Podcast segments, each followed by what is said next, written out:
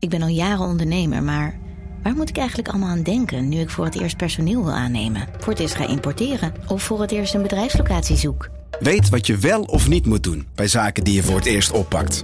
Check kvk.nl voor praktische stappenplannen. KVK, hou vast voor ondernemers. Al 125 jaar kwaliteit voor jou thuis met Miele. Dat vieren we met jou. Ontvang nu tijdelijk een cashback tot 125 euro op veel Miele-apparatuur. Geniet van de kwaliteit van Miele. Voor perfect verzorgd wasgoed en kleding die veel langer mooi blijft. Voor een stralend schone vaat, even perfect als jouw diners. En een stofvrij thuis waarin echt hygiënisch schoon de standaard is. Check miele.nl voor alle feestelijke aanbiedingen.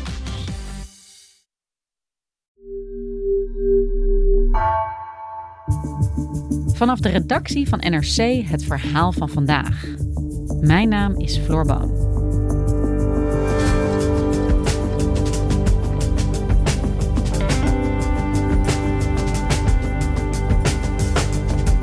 Het is spectaculaire televisie. De openbare hoorzittingen van de Amerikaanse onderzoekscommissie die de kapitoolbestorming onderzoekt. Amerika-correspondent Bas Blokker keek mee en zag hoe Trump-getrouwen het beeld schetsen van een president die donders goed wist dat hij leugens verspreidde en de wet overtrad. Zal dit Trumps achterban ook overtuigen? Of wakkert het de polarisatie alleen maar verder aan?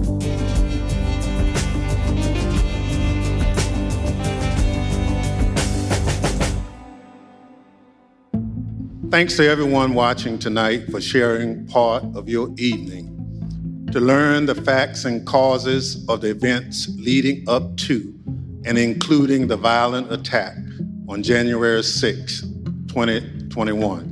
Ja, ik zit nu al een paar weken, eh, schuif ik uh, om de zoveel dagen aan voor de tv. Dan ga ik in mijn uh, gemakkelijke stoel zitten met mijn boekje. En dan kijk ik naar de openbare hoorzittingen van de commissie die de gebeurtenissen van 6 januari onderzoekt. Dat is 6 januari 2021. Dat was de dag, daar hebben wij het hier ook wel eens over gehad. Dat president Trump zijn aanhangers toesprak achter het Witte Huis. Because you'll never take back our country with weakness. You have to show strength and you have to be strong.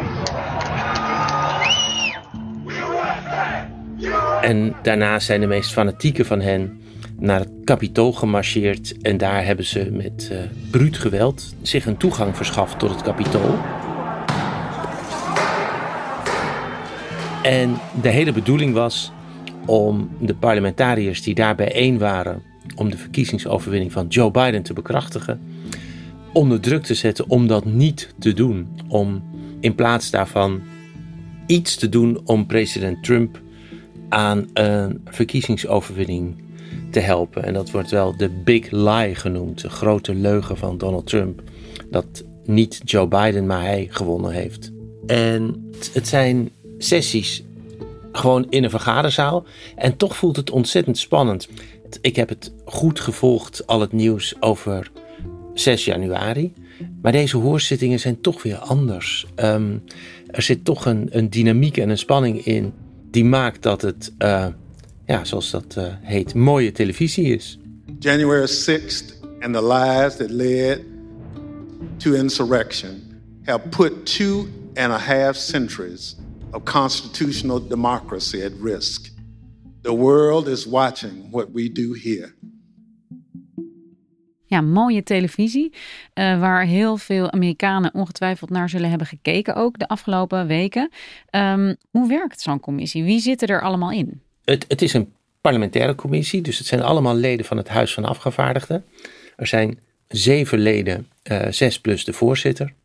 Op twee na zijn het allemaal democraten. En dat is een beetje de pijn van deze commissie. Ik weet niet of je dat nog herinnert, maar vlak na de bestorming van het kapitool was de verontwaardiging compleet en alom. Ik bedoel, iedereen vond het een schande wat er was gebeurd. Ook republikeinen.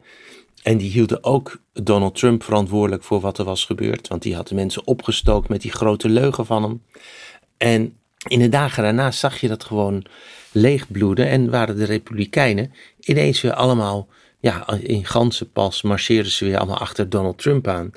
En hoewel ze in eerste instantie uh, graag wilden meewerken, hebben ze zich in tweede instantie eigenlijk geheel teruggetrokken, de Republikeinen, uit deze commissie. En wat er is gebeurd, er zijn twee republikeinen uit het Huis van Afgevaardigden die lid zijn van deze commissie, maar die hebben daar duur voor betaald. De een heeft zijn politieke carrière uh, vaarwel gezegd, Adam Kinzinger. En de andere, dat is, dat is eigenlijk nog een dramatischer geval, dat is Liz Cheney. En zij was echt een hoge pief in de Republikeinse Partij. Ze was zeg maar de derde in de hiërarchie. En ook zij is eigenlijk uit haar partij gestoten. Al haar privileges in de fractie zijn haar afgepakt. Maar ze is heel scherp in deze commissie. Ze mag altijd uh, na de voorzitter een statement afgeven. En dat is, dat is heel scherp. De eerste keer uh, richtte ze zich regelrecht tot haar partijgenoten en zei: Tonight I say this to my Republican colleagues who are defending the indefensible. There will come a day when Donald Trump is gone, but your dishonor will remain. Ja, als je het zo beschrijft, dan lijkt het wel alsof die commissie behoorlijk partijdig is. Uh, vijf democraten, twee republikeinen die tegen Trump zijn. Wat is eigenlijk het doel van deze openbare hoorzittingen?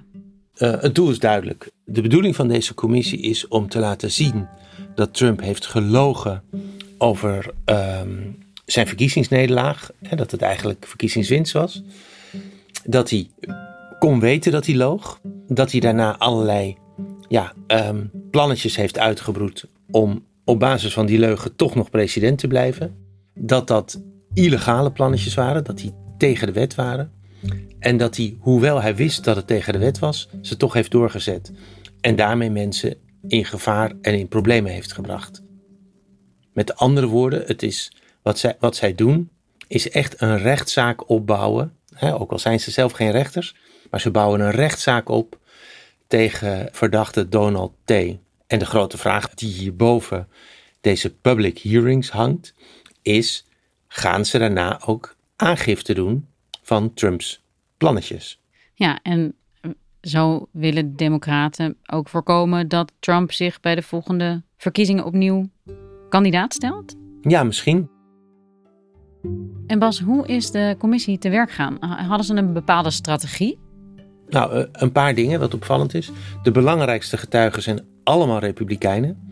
Dat is, dat is absoluut een strategische zet. Uh, logisch, hè, want die mensen waren natuurlijk getuigen van de omgeving van Donald Trump. Die komen uit die kringen. Logisch dat die republikeinen zijn.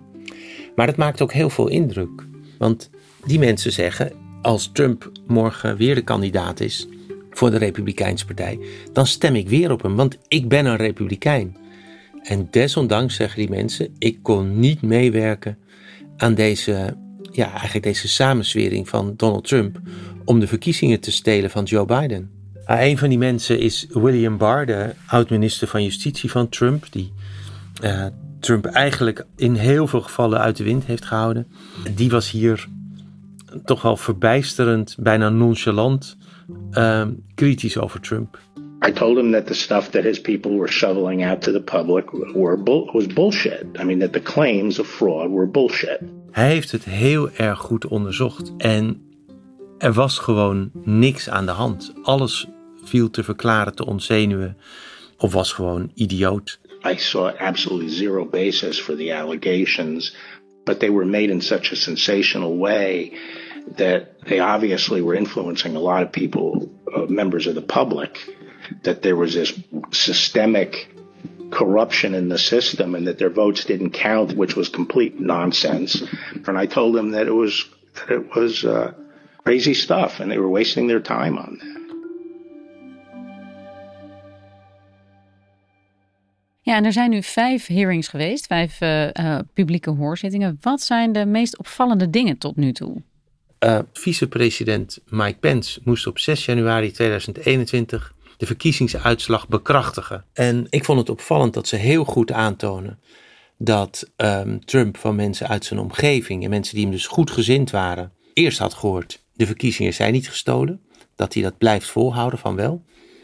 Dat ze, um, als hij een, een advocaat in de arm neemt, Eastman, de, de, de, op dat moment de rechterhand van Donald Trump, die zegt: volgens de wet kan de vicepresident eigenmachtig de verkiezingsuitslag um, afwijzen. Dat klopt niet. that President Trump said I had the right to overturn the election. But President Trump is wrong. I had no right to overturn the election. Desondanks is hij mensen met die theorie onder druk blijven zetten. uiteindelijk heeft dat geresulteerd op 6 januari in een menigte die het kapitool bestormde onder het skanderen van hang Mike Pence op.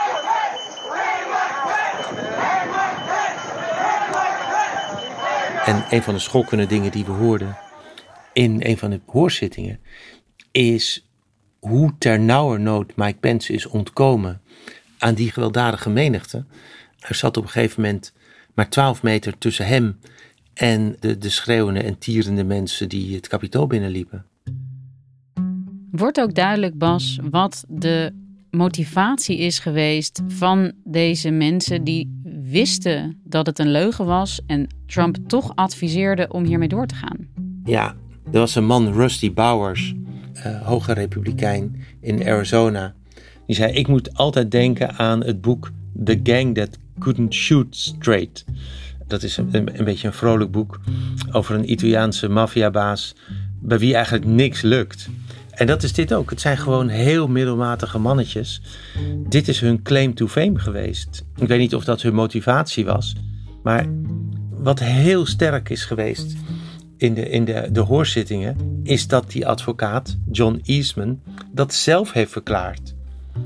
In een gesprek met de uh, juridische adviseur van vicepresident Mike Pence, heeft Eastman toegegeven: ja, als dit ooit voor het Supreme Court komt, mijn oplossing, dan zullen we met 9-0 verliezen. He told you at some point that if in fact the issue ever got to the Supreme Court, his theory would lose 9-0, correct?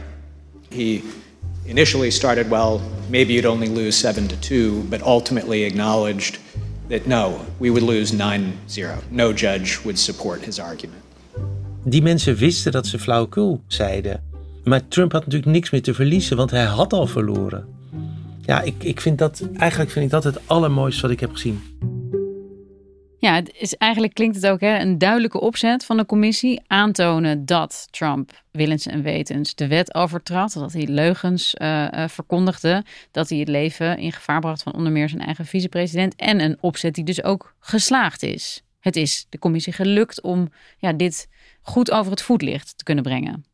Ja, dat is eigenlijk wel een goede vraag. Want zijn ze erin geslaagd? Het hangt er natuurlijk ook af wie je publiek is. hebben ze mensen overtuigd die toch al bij hun parochie hoorden? Of hebben ze ook voor ja, zeg maar neutrale mensen dat, uh, dat overtuigend gemaakt?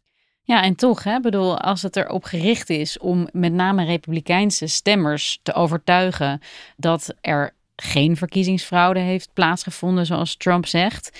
Uh, dat alles daarop gericht is om dat beeld uh, ja, over te brengen.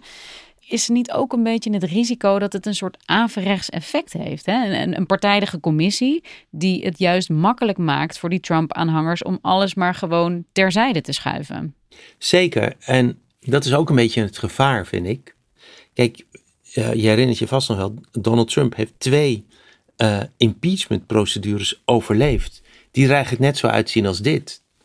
Weet je, waarin een commissie van het Huis van Afgevaardigden onderzoek doet naar uh, uh, ja, veronderstelde crimes en misdemeanors van de president. Het is er twee keer niet gelukt. Trump is daar tussenuit gekomen. En een van die impeachments ging in feite ook over, over dit, namelijk over 6 januari.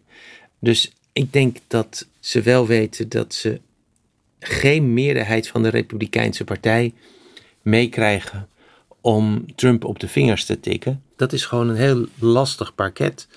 En ik vind wel dat deze commissie er beter in slaagt om onpartijdig te lijken dan de impeachment hearings. Ik vond dat zwakker opgebouwd dan dit. En Bas, hoe is het tot nu toe ontvangen? Want dit is uh, jouw recensie misschien, of in ieder geval uh, wat jij eruit haalt. Uh, wat, wat, wat zijn de reacties ook vanuit dat republikeinse kamp tot nu toe?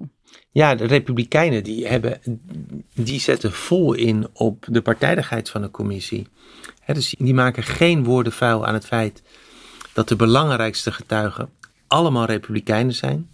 Dat ze allemaal uit hun kamp komen. Dus ja, daar komt het helemaal niet aan. Uh, een grote zender als Fox News, die had besloten de eerste hearing, hè, die was op, op 8 uur s avonds, primetime, werd hij op alle zenders uitgezonden.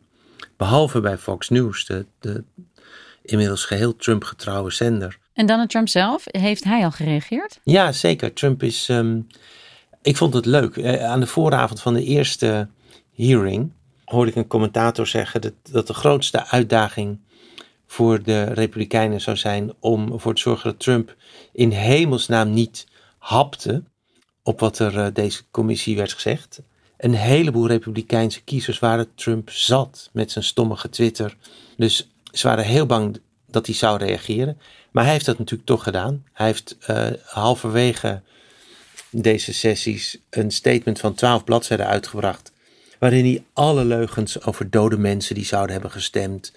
Over eh, kiesmachines die stemmen voor Trump automatisch zouden omzetten in stemmen voor Biden. Heeft hij allemaal weer herhaald. Ja, het is allemaal aangetoond flauwkul. Bullshit, zoals zijn eigen minister van Justitie zei. Maar hij heeft dat toch gedaan. En hoe gaat het nu verder, Bas? Deze hoorzittingen zijn geweest. Is dit het laatste of, eh, of, of komen er nog meer?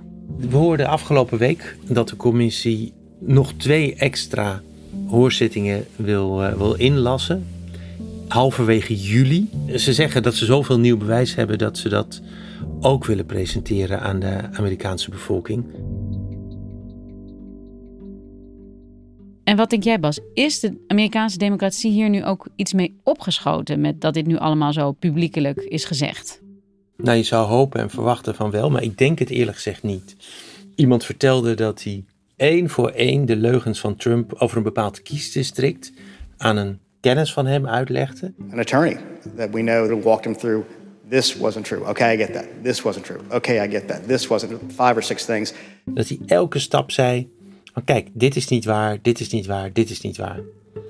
En die advocaat geloofde elke stap. Die, die ging dus helemaal mee met het ontzenuwen van deze ene aantijging. En die zei na afloop: En toch weet ik in mijn hart dat ze de boel hebben geflest. But at the end, he goes, I just know in my heart they cheated. Once you get past the heart, the facts don't matter as much. Als je eenmaal voorbij het hart bent, dan maakt de waarheid heeft daar eigenlijk geen invloed meer op. En ik denk dat dat een, uh, een, een ontzagwekkende en verschrikkelijke waarheid is. Dat de, het Amerikaanse electoraat, verdeeld als het is, eigenlijk de waarheid voorbij is. En dat hoe goed je ook zou uitleggen dat Donald Trump heeft gelogen en wie het ook zou vertellen, er een groot deel van het electoraat, een minderheid, maar een groot deel, onbereikbaar is geworden ja, voor de waarheid. Dankjewel, Bas.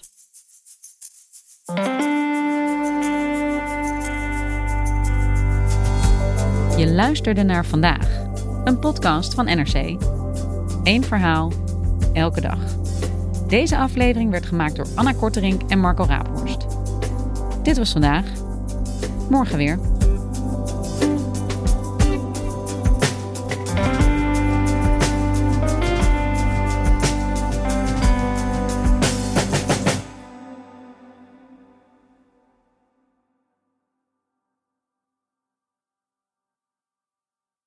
Technologie lijkt tegenwoordig het antwoord op iedere uitdaging.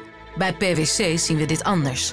Als we de potentie van technologie willen benutten, kunnen we niet zonder een menselijk perspectief. Human-led, tech-powered noemen we dat. Ga naar pwc.nl.